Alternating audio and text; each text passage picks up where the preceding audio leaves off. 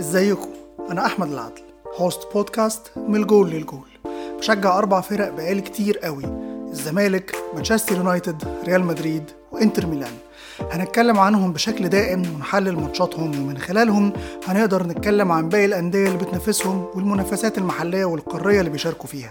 وفي نفس الوقت هنتكلم كورة في مواضيع تانية فنية وإدارية مرتبطة بالأندية كلها عموما. يلا بينا نبتدي.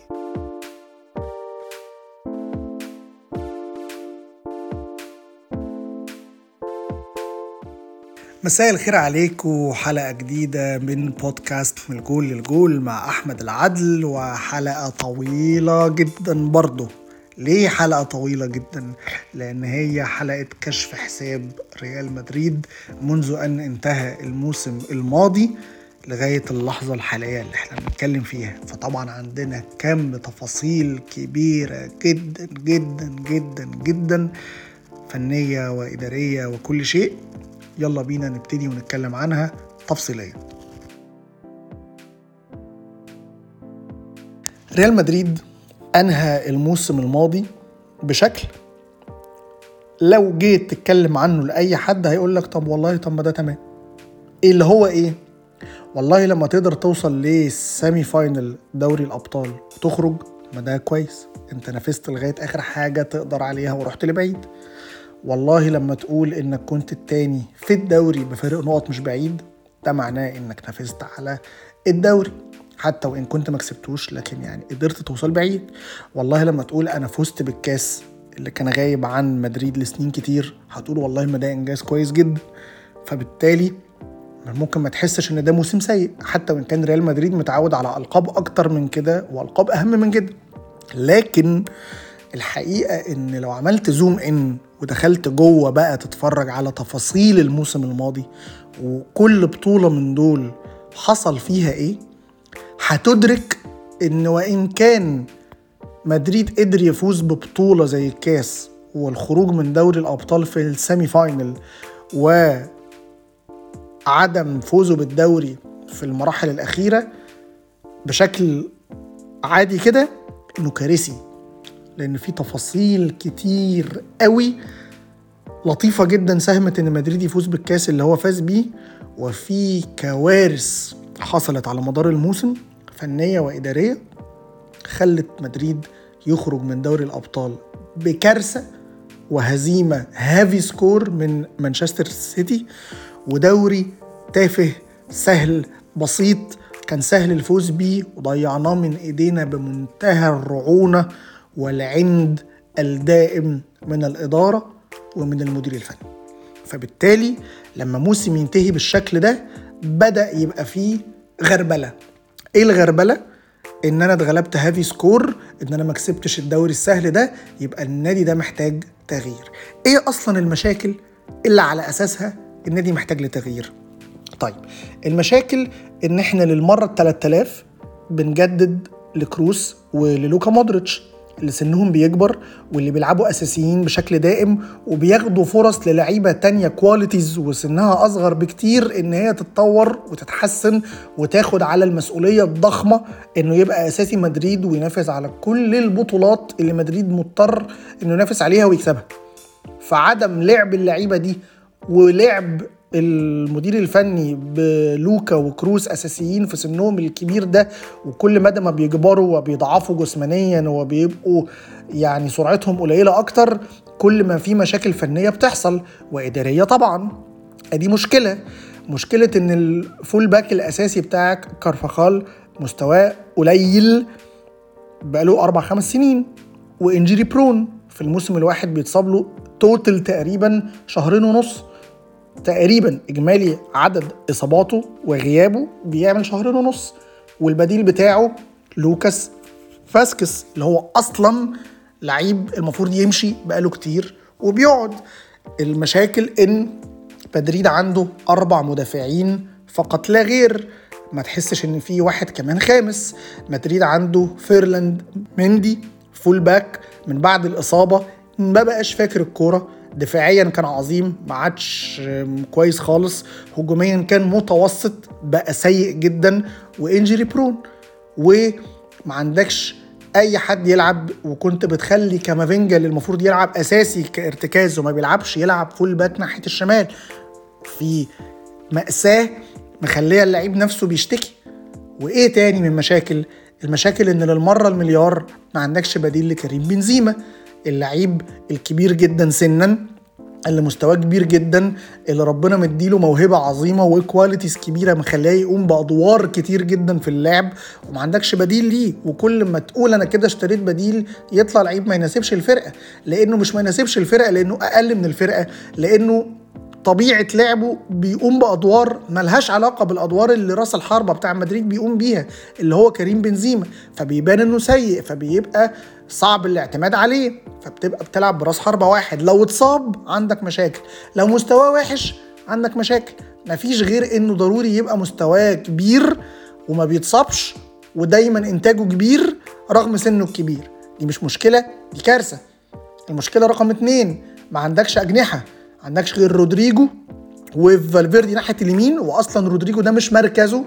هو مركزه بيلعب 10 وبيعرف يلعب طبعا ناحية الشمال وناحية اليمين وراس حربة وكل ده لكن مركزه الأصلي 10 لكن إحنا بنلعبه ناحية اليمين بنلوي دراعه كده.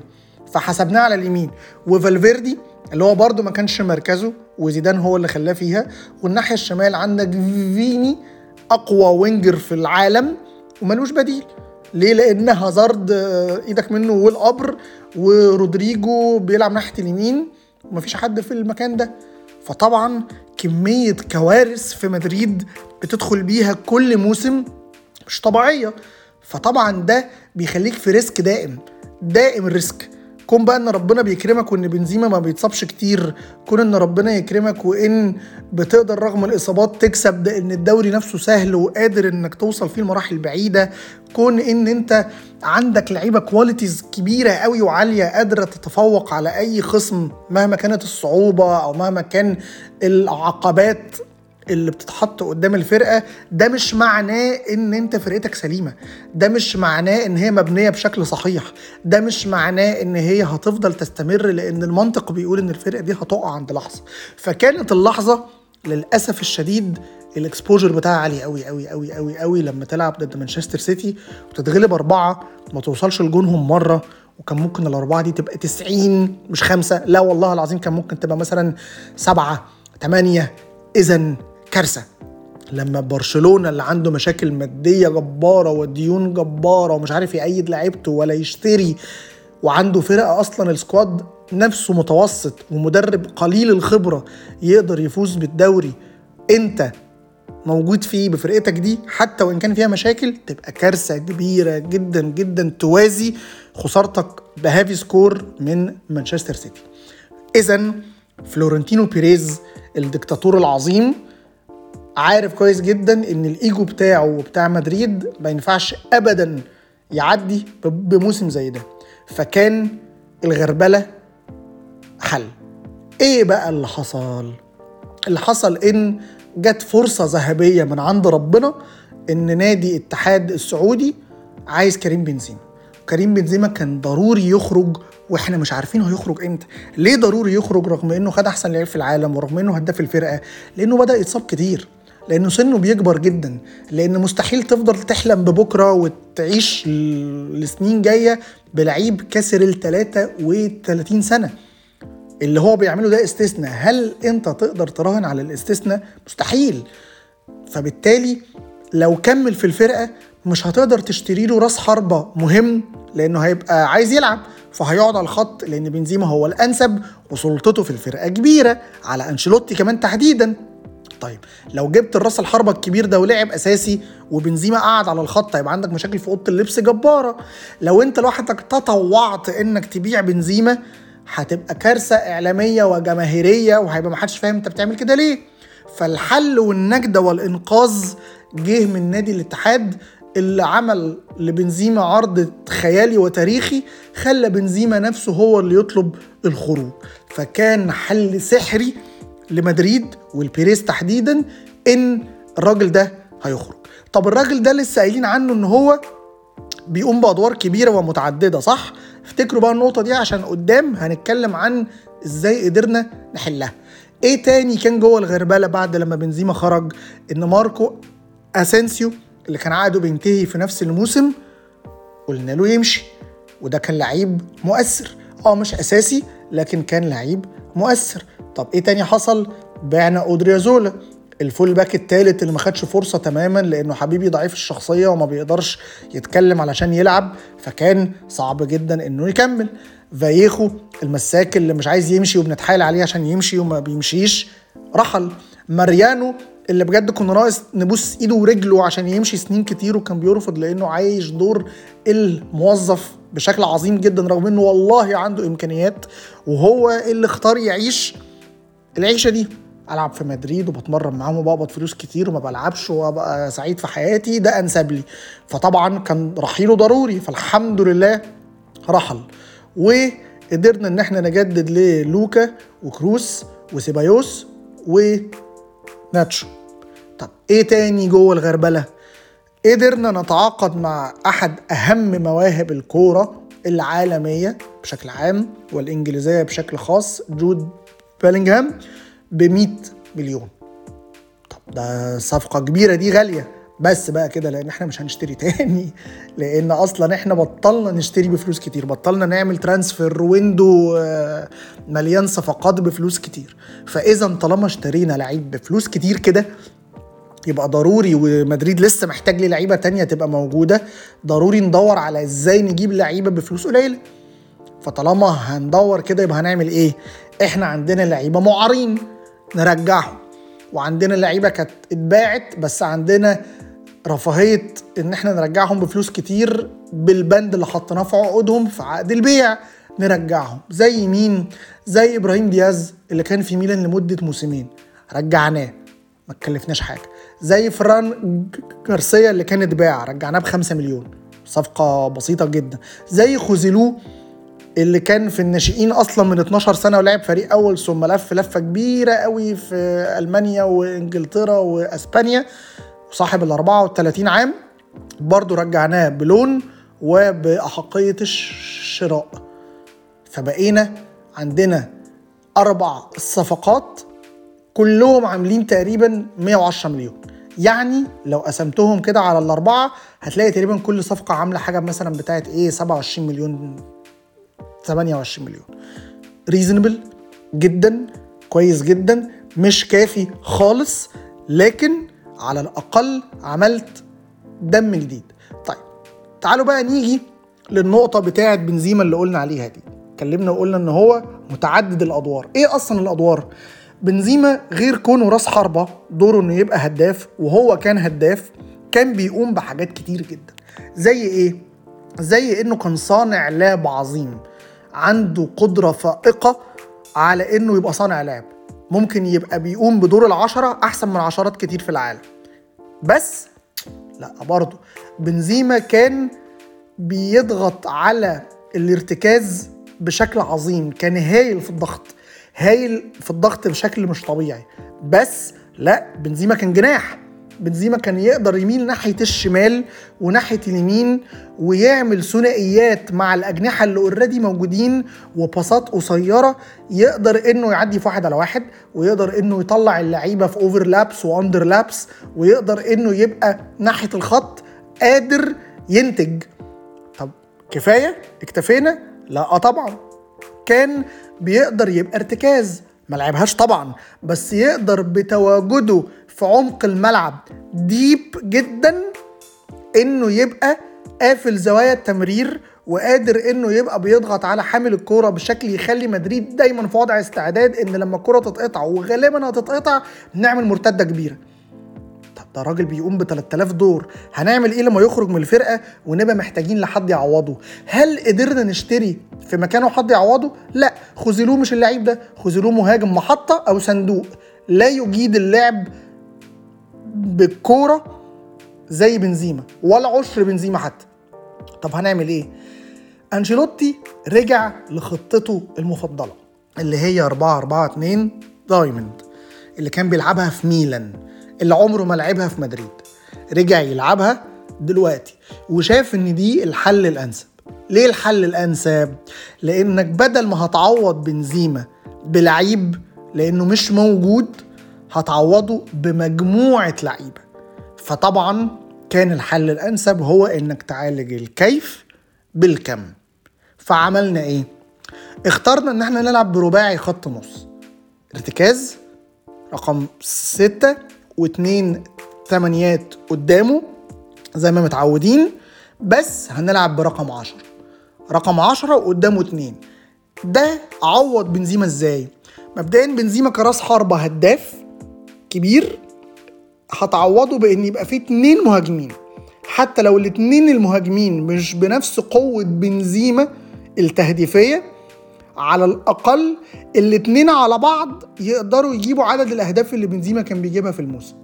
فيوم ما توظف خوزيلو ورودريجو خوزيلو وإبراهيم دياز فينيسيوس ورودريجو فينيسيوس وخوزيلو فينيسيوس وإبراهيم أي اتنين من الأربعة لو جيت تحس الناس دي هتجيب كام جول ممكن يجيبوا الحاجة وعشرين جول اللي كان بنزيما بيجيبهم.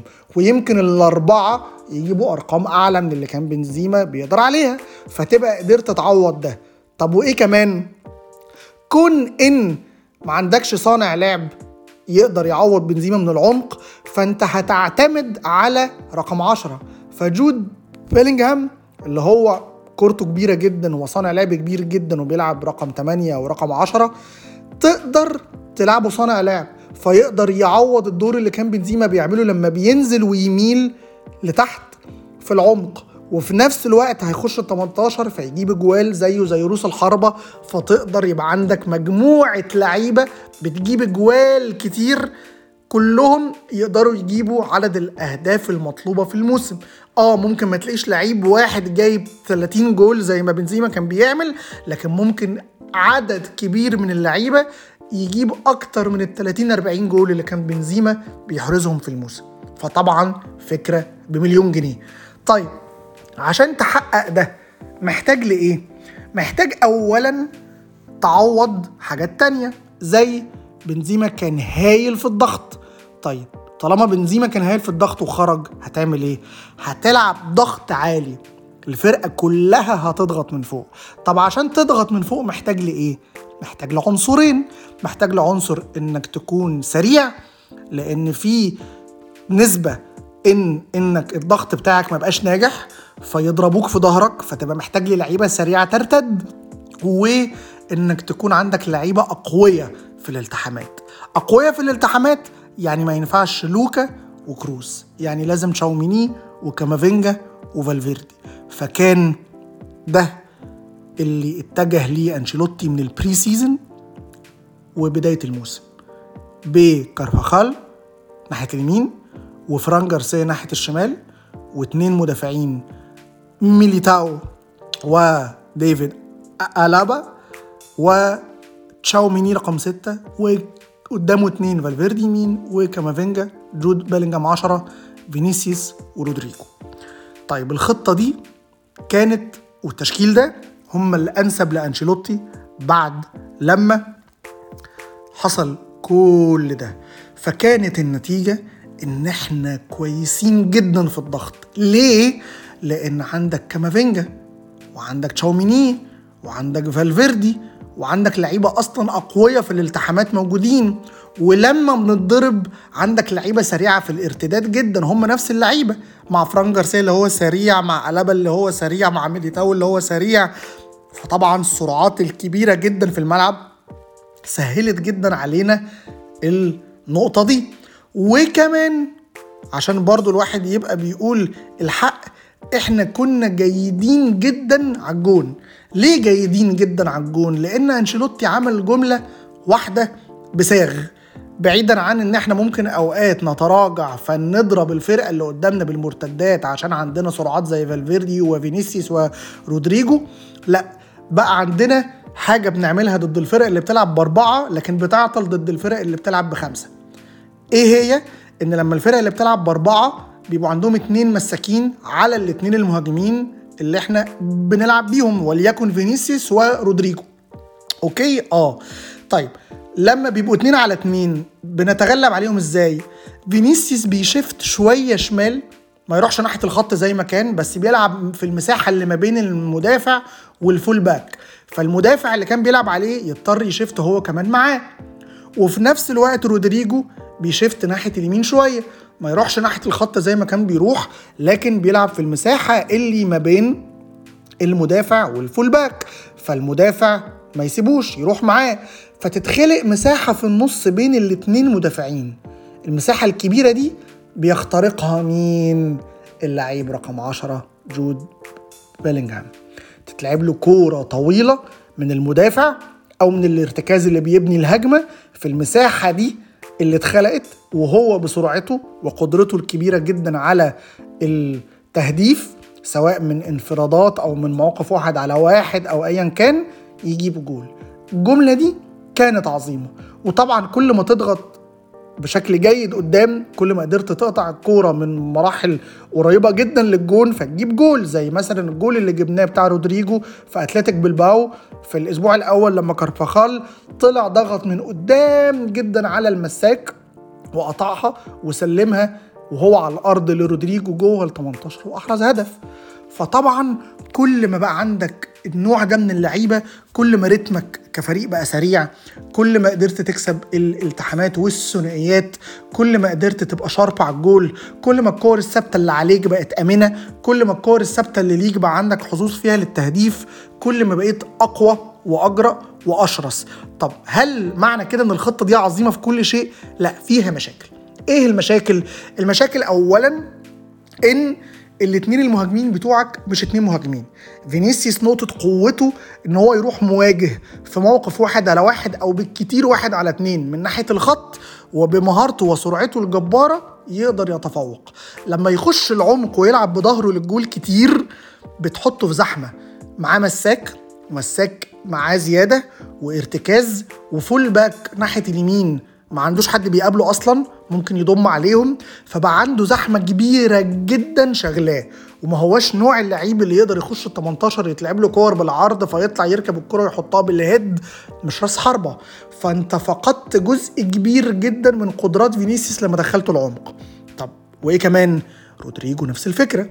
حتى وإن كان هو راس حربة أكتر من فينيسيوس لكن هو محتاج لراس حربة يتحرك من حواليه يلعب off him يلعب around him لكن ما يلعبش هو ال focal point فطبعا كون إنك بتقول للعيب المتحرر اللي بيحب يبقى عنده مساحات ويعدي في واحد على واحد ويتجرأ من الناحية اللي على الخط إنك تقول له أنت هتلعب في العمق ظهرك للجول وتلعب في مساحات أضيق مع عدد لعيبة أكبر بتواجههم كل ما ده صعب الدنيا جدا عليه. فكان المنطق اللي لا يمكن يعمله أنشيلوتي وهنتكلم ليه لا يمكن يعمله أنشيلوتي قدام إن خذلوه الوحيد في خط الهجوم اللي راس حربة حقيقي يبقى هو راس الحربة وتدور على مين اللي يلعب جنبه.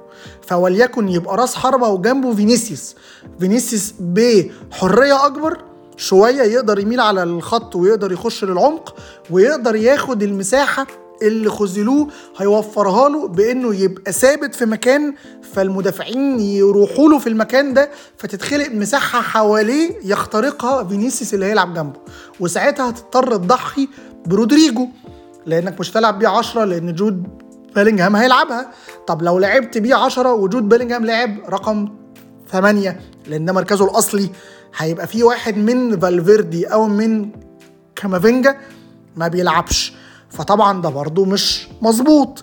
ف ما يقدرش يعمل كده. لكن المنطق إنك تختار خوزيلو وجنبه واحد والتاني ده يبقى بديل. ومع ال rotation الكتير الناس كلها تلعب أساسية والناس كلها هتريح. لكن أنشيلوتي مش هيعمل كده وهنتكلم ليه ده مش هيحصل. مع بداية الموسم مدريد خد خبطتين قاتلتين إصابة كورتوا وميليتاو بالصليبي. فطبعا فلورنتينو بيريز اللي لسه صارف 100 مليون أصلا وهتلاقيه قاعد بيعيط لوحده إن هو صرف الفلوس الكتير قوي دي هيعمل إيه؟ فطبعا ما يقدرش يصرف فلوس كتير دلوقتي. ف لقى إن الحل إن أنا مش هعوض ميليتاو وهكتفي بروديجر وناتشو وديفيد ألابا والرابع يبقى مساك من الناشئين أو أي لعيب يتوظف في المكان ده يتصرف أنشيلوتي كده زي ما اتصرف ولاعب بكل الناس في كل المراكز وإنه هيجيب حارس. ليه؟ لأن لونين ما كانش أثبت في ولا مرة من ساعة ما جه في المرات اللي بيلعب فيها إنه قادر على إنه يبقى حارس أول، لو كان أثبت ده والله ما كانش فكر يشوف حارس مرمى أصلا. ففاوضنا ياسين بونو وفاوضنا ديفيد دخيا وفاوضنا كيبا لغاية ما استقرينا على إن إحنا نجيب كيبا حارس بالكرة جيد جدا كحارس مرمى متوسط جدا فطبعا كورتوا اللي هو كان أكتر من 30 40% من الفرقة وفي بعض الأحيان أكتر من 50% من الفرقة غيابه هيأثر كتير على الفريق. وطبعا بقى عندك نقص في العمق الفرقة لما اتصاب المدافع الأساسي لأن بقى عندك اتنين بيلعبوا وبديلهم واحد بس مفيش تاني. فطبعا ده risk أكبر من ال risk اللي بتدخل بيه كل موسم زاد عليك. فجبنا هذا اللاعب. وبقى عندنا بقى كم إصابات متتالي عظيم. فينيسيوس مع بداية الموسم اتصاب ست أسابيع وثم بقى كامافينجا اتصاب شهرين ثم تشاوميني اتصاب شهرين ثم فينيسيوس بعد ما رجع ولعب له عدد ماتشات اتصاب تاني. وكل ده للأسف الشديد كانت فرصة ذهبية لأنشيلوتي إنه يلعب بكروس ولوكا أساسيين عشان يخلص من الصداع اللي هم عاملينه له علشان يلعبوا وياخدوا دقايق كتير. عشان الزن بتاعهم ده يروح من عليه. فطبعا ده بقى مؤثر علينا. النقط اللي قلناها في الأول بتاعت القوة والسرعة والريتم السريع والثنائيات كل ده راح. كل ده راح. بقى مش موجود. بقى مش موجود تماما. بقى إن رتمنا بطيء جدا. بقت الكرة بتتقطع مننا بسهولة. بقى أي فرقة رتمها سريع علينا بتهددنا بسهولة وممكن تجيب فينا جول واتنين. بقى عندنا مشاكل في الكور الثابتة اللي علينا بقى عندنا مشاكل في الكور الثابتة اللي لينا بقينا فريق أضعف كثيرا علشان المشاكل اللي كلنا عارفينها. طيب لونن لعب لما كيبا اتصاب حصل إيه؟ لونن كان هايل وأثبت إنه أحسن من كيبا بكتير. ولو كان عمل الأداء ده في أي وقت سابقا قبل إصابة كورتوا والله ما كنا جبنا حارس مرمى. فطبعا بقى عند أنشيلوتي كارثة. الحارس اللي لسه جايبينه اللي هو profile أعلى من لونن لما يرجع من الإصابة مين اللي هيلعب؟ لونن اللي متألق وأثبت إنه أحسن منه ولا هيلعب بكيبا اللي هو profile أعلى اللي إحنا لسه شاريينه وأنشيلوتي بيخاف من رئيس النادي فهنعمل إيه؟ فطبعا بقت مشكلة. فالموسم ده اللي مليان صعود وهبوط وإصابات وغيابات ورجوع و و و على قد كل ده على قد ما الأربعة أربعة اتنين ال diamond دي كانت حل سحري. وقدرت تخلي جود بيلينجهام هداف الفرقة و goal scorer كبير جدا جدا جدا مع عدد أهداف لا بأس بيها من رودريجو مع عدد أهداف لا باس بيها من خوزيلو اللي بيلعب أساسي كتير للغيابات وبيبقى بديل دائم لما الغيابات بيرجعوا. مع عدد أهداف لا بأس بيها من إبراهيم دياز فالفرقة سجلت أهداف كتير جدا وفي نفس الوقت أمنت خط نصها بالزحمة اللي بتحصل. لكن مع تألقها محليا وهي متصدرة الدوري مع جيرونا وفوزها على برشلونة 2-1 وأداء كتير جيد بتقدمه وصعودها من دوري الأبطال قبل ما دور المجموعات نفسه ينتهي. لكن في مشاكل. إيه المشاكل اللي جنب اللي أنا بقول عليه ده؟ المشاكل إن النادي أو أنشيلوتي مدي حرية مش طبيعية للعيبة. مبادئ بسيطة جدا جدا جدا طالبها منهم وتقريبا 80% من اللي بيتقدم عبارة عن ارتجالات. ارتجالات من اللعيبة ال qualities العالية قوي زي مودريتش وكروس وإبراهيم دياز ورودريجو وفينيسيوس وكل اللعيبة دي. فطبعا لأن الدوري الأسباني ما فيهوش مدربين كبار ولا في فرق تقيلة تكتيكيا لأن ما عادش في الناس بتاعت بقى لوبيتيجي وأوناي إيمري وهؤلاء قادرين إن إحنا نكسب رغم المشاكل اللي عندنا. عندنا مهازل تكتيكية. لما اللعيبة بقى كمان دي كلها بتلعب اللي هو زي لوكا البطيء وكروس البطيء وهؤلاء بيبقى عندنا مشاكل جبارة. حرية الحركة اللي متسابة للفرقة مخلية إن الفرق بس لو جرأت علينا شوية هتكسبنا سكور. بس ده ما بيحصلش لأن الفرق نفسها ضعيفة. يا هل ترى بقى لما نخرج من إطار الدوري الأسباني ونفضل بنفس الحرية المطلقة دي ونروح نقابل في دوري الأبطال فرق من نوعية بقى مانشستر سيتي ولا من نوعية أرسنال ولا من نوعية الفرق الكبيرة بقى اللي هو الفرق إنتر ميلان وهؤلاء هيحصل إيه؟ مدريد ما عندوش معيار. عادي جدا جدا جدا جدا يكسب الناس دي كلها سكورات. لأن إحنا أصلا ما بنمشيش بمنطق. إحنا بنمشي عكس المنطق تقريبا. لكن لو جيت تقيسها بالمنطق لا مدريد عادي جدا لأنه ما عندوش مدرب تكتيكي كبير ولا لعيبة عندها وعي تكتيكي كبير ومتساب لهم حرية مفرطة بتخلي فيك بجد أدوار متضاربة للعيبة مع بعض جوه الهجمة الواحده كتير. إن الفريق ده ينهار تاني برباعية تاني في ماتش كبير تاني. وأنا أخشى من ده وأتمنى إنه ما يحصلش لكنه وارد جدا يحصل. طب هل المشاكل خلصت؟ لا طبعا. ألابا جاله صليبي. قبل نهاية ال season 2023 يعني قبل يناير.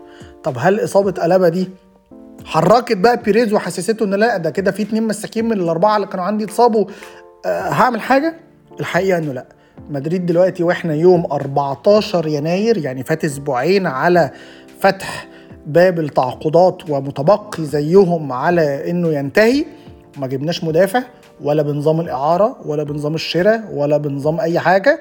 وهنفضل بقى نرقع ونلعب بتشاوميني مساك في كارثة وفيرلاند مندي مساك في كارثة وكل شيء. طب هل المشاكل خلصت؟ لا برضه عشان الخطة دي تفضل ناجحة ضروري ال full backs بتوعك يتقلبوا أجنحة. يفضلوا عندهم دور هجومي بارز لأن ال winger اللي قصاده اللي كان في 4 3 3 ما بقاش موجود ودخل للعمق فبقى الخط كله موجود لل full back ين فبقوا بيقوموا بدور ال wing back أكتر من ال full back فطول ما كارفاخال وفران جارسيا بيلعبوا طول ما إحنا كويسين. سراع واقوياء وحلول هجومية جيدة واللي هيطلب منهم مش كبير هجوميا لأن في مساحة هيضطر يخترقها تتلعب له مظبوطة استلامها over أو عرضية على طول أو تكمله على الجول على طول قدر يبقى مؤثر. مع ضغط عالي عشان هم اقوياء وسراع هيقدروا يبقوا كويسين زي الجول اللي جبناه في أتلتيك بيلباو اللي أنا لسه متكلم عنه. أول ما يبقى حد تاني غير الناس دي إحنا في كارثة. أول ما يبقى كارفاخال مش موجود ويبقى بيلعب لوكاس هتشوف عنصر واحد كويس. إن لما يبقى في مساحة وهو يخترقها وهو أصلا half right هيقدر يلعب عرضية كويسة. لكن لا هيضغط بشكل يناسب اللي مطلوب ولا هو هيكون عنده التحامات هيقدر يفوز بيها ولا في الارتداد هيساعدك لأنه بطيء جدا الدفاعي والهجومي. ونفس الكلام على فيرلاند مندي اللي هو أصلا فقير هجوميا فمش هيعرف يبقى مناسب خالص ودفاعيا بقى سيء جدا. فطبعا طبعا طبعا دي مشكلة كبيرة جدا لأن أنشيلوتي بيرتاح لفيرلاند عن فران جارسيا علشان دفاعيا أحسن حتة بسيطة وهو شايف إن الفرق بتهاجم بعدد لعيبه كبيرة جدا فيستحسن يبقى في ناس بتدافع لهم. ففيرلاند هو اللي بيلعب. فما بتقدرش تعول عليه ولا في الخروج بالكرة ولا في الهجوم ولا في أي شيء. ونفس الكلام الناحية العكسية. فدي برضو مشكلة. هتعالج إزاي؟ مش هتعالج وهنكمل بنفس الشكل اللي إحنا فيه. النتيجة إن رغم كل المشاكل دي وكل الترقيع ده إلى إن مدريد قادر يبقى متصدر الدوري مع جيرونا قادر يسجل أحسن انطلاقة في الموسم بعد 18 أسبوع من موسم 2011 2012 بأكبر عدد نقط نجيبها في 10 سنين أو في 11 season قادر يبقى sharp جدا هجوميا قادر يبقى sharp جدا الحمد لله يا رب يعني دفاعيا قادر يحقق كل شيء مطلوب منه حتى اللحظة لكن المرحلة اللي جاية صعبة قوي قوي قوي قوي عندك غيابات مش هترجع زي كورتوا زي ألابا زي ميليتاو وملهمش الناس بتعوضهم. وعندك ماتشات صعبة داخل عليها زي السوبر. وعندك ماتشات في ال Champions League وعندك برشلونة تاني وعندك أتلتيكو مدريد تاني. هتعمل إيه؟ لو ما عوضتش اللعيبة دي بلعيبة. واصلا ال squad نفسه عدد اللعيبة فيه صغير. هتعمل إيه؟ ده سؤال هيجاوب عليه الوقت والزمن لكن أنت بتقدر تقرأ من دلوقتي المشاكل وتقدر تتكلم إحنا هنوصل لفين بالمشاكل.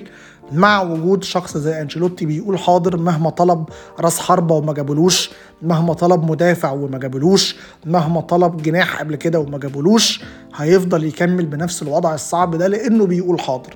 وإيه كمان؟ إن أنشيلوتي نفسه جدد جدد حتى موسم 2026 2026 ده يعني موسمين كمان. موسمين كمان يعني الوضع اللي إحنا بنتكلم عنه إن إحنا بندخل كل موسم ب very high risk هيفضل مستمر لأن مفيش مدرب بيعرف يتعامل مع فلورنتينو بيريز غير زيدان. وأنشيلوتي ما بيقولش غير حاضر. حتى وإن كنا ناجحين على مستوى الأرقام حتى اللحظة دي الا إن ده مش بيعكس ابدا إن مدريد متفوق في كل شيء وإنه جيد في كل شيء وإنه مشاكله قليلة جدا. لا في مشاكل حصلت ربنا أراد إنها تحصل زي الإصابات والغيابات بس في مشاكل إحنا خلقناها بإيدينا وهي الاعتمادية الكبيرة على اللاعب رقم 10 بتاعك اللي بيسجل أهداف بشكل كبير وإنك مش ضامن لو ما جابش جوان حد هيجيب غيره ولا لأ. وإنك بتلعب بلوكا وكروس أساسيين وهم ما يستحقوش يلعبوا أساسيين كبيرك تلعب واحد فيهم. وإنك بتلعب بناس في ال full backs بتوعك ما يستحقوش مخلينك تخسر أدوار مؤثرة أنت محتاج لها. وإن حتى لو لونين ما لعبش أساسي اللي هيبقى بيلعب عليه حارس قليل فهيبقى عامل مشاكل لفرقتك. ودي كلها مشاكل غير مطلوبة ابدا وإنت اللي خلقتها لوحدك. فبالتالي بالتالي انت عندك تحديات صعبة جدا لسه جاية مش معنى تفوقك الحالي محليا وأوروبيا حتى اللحظة إن ده هيستمر. وارد يستمر وارد يحصل أكتر منه لأن مدريد ما بيمشيش على منطق ولا معايير.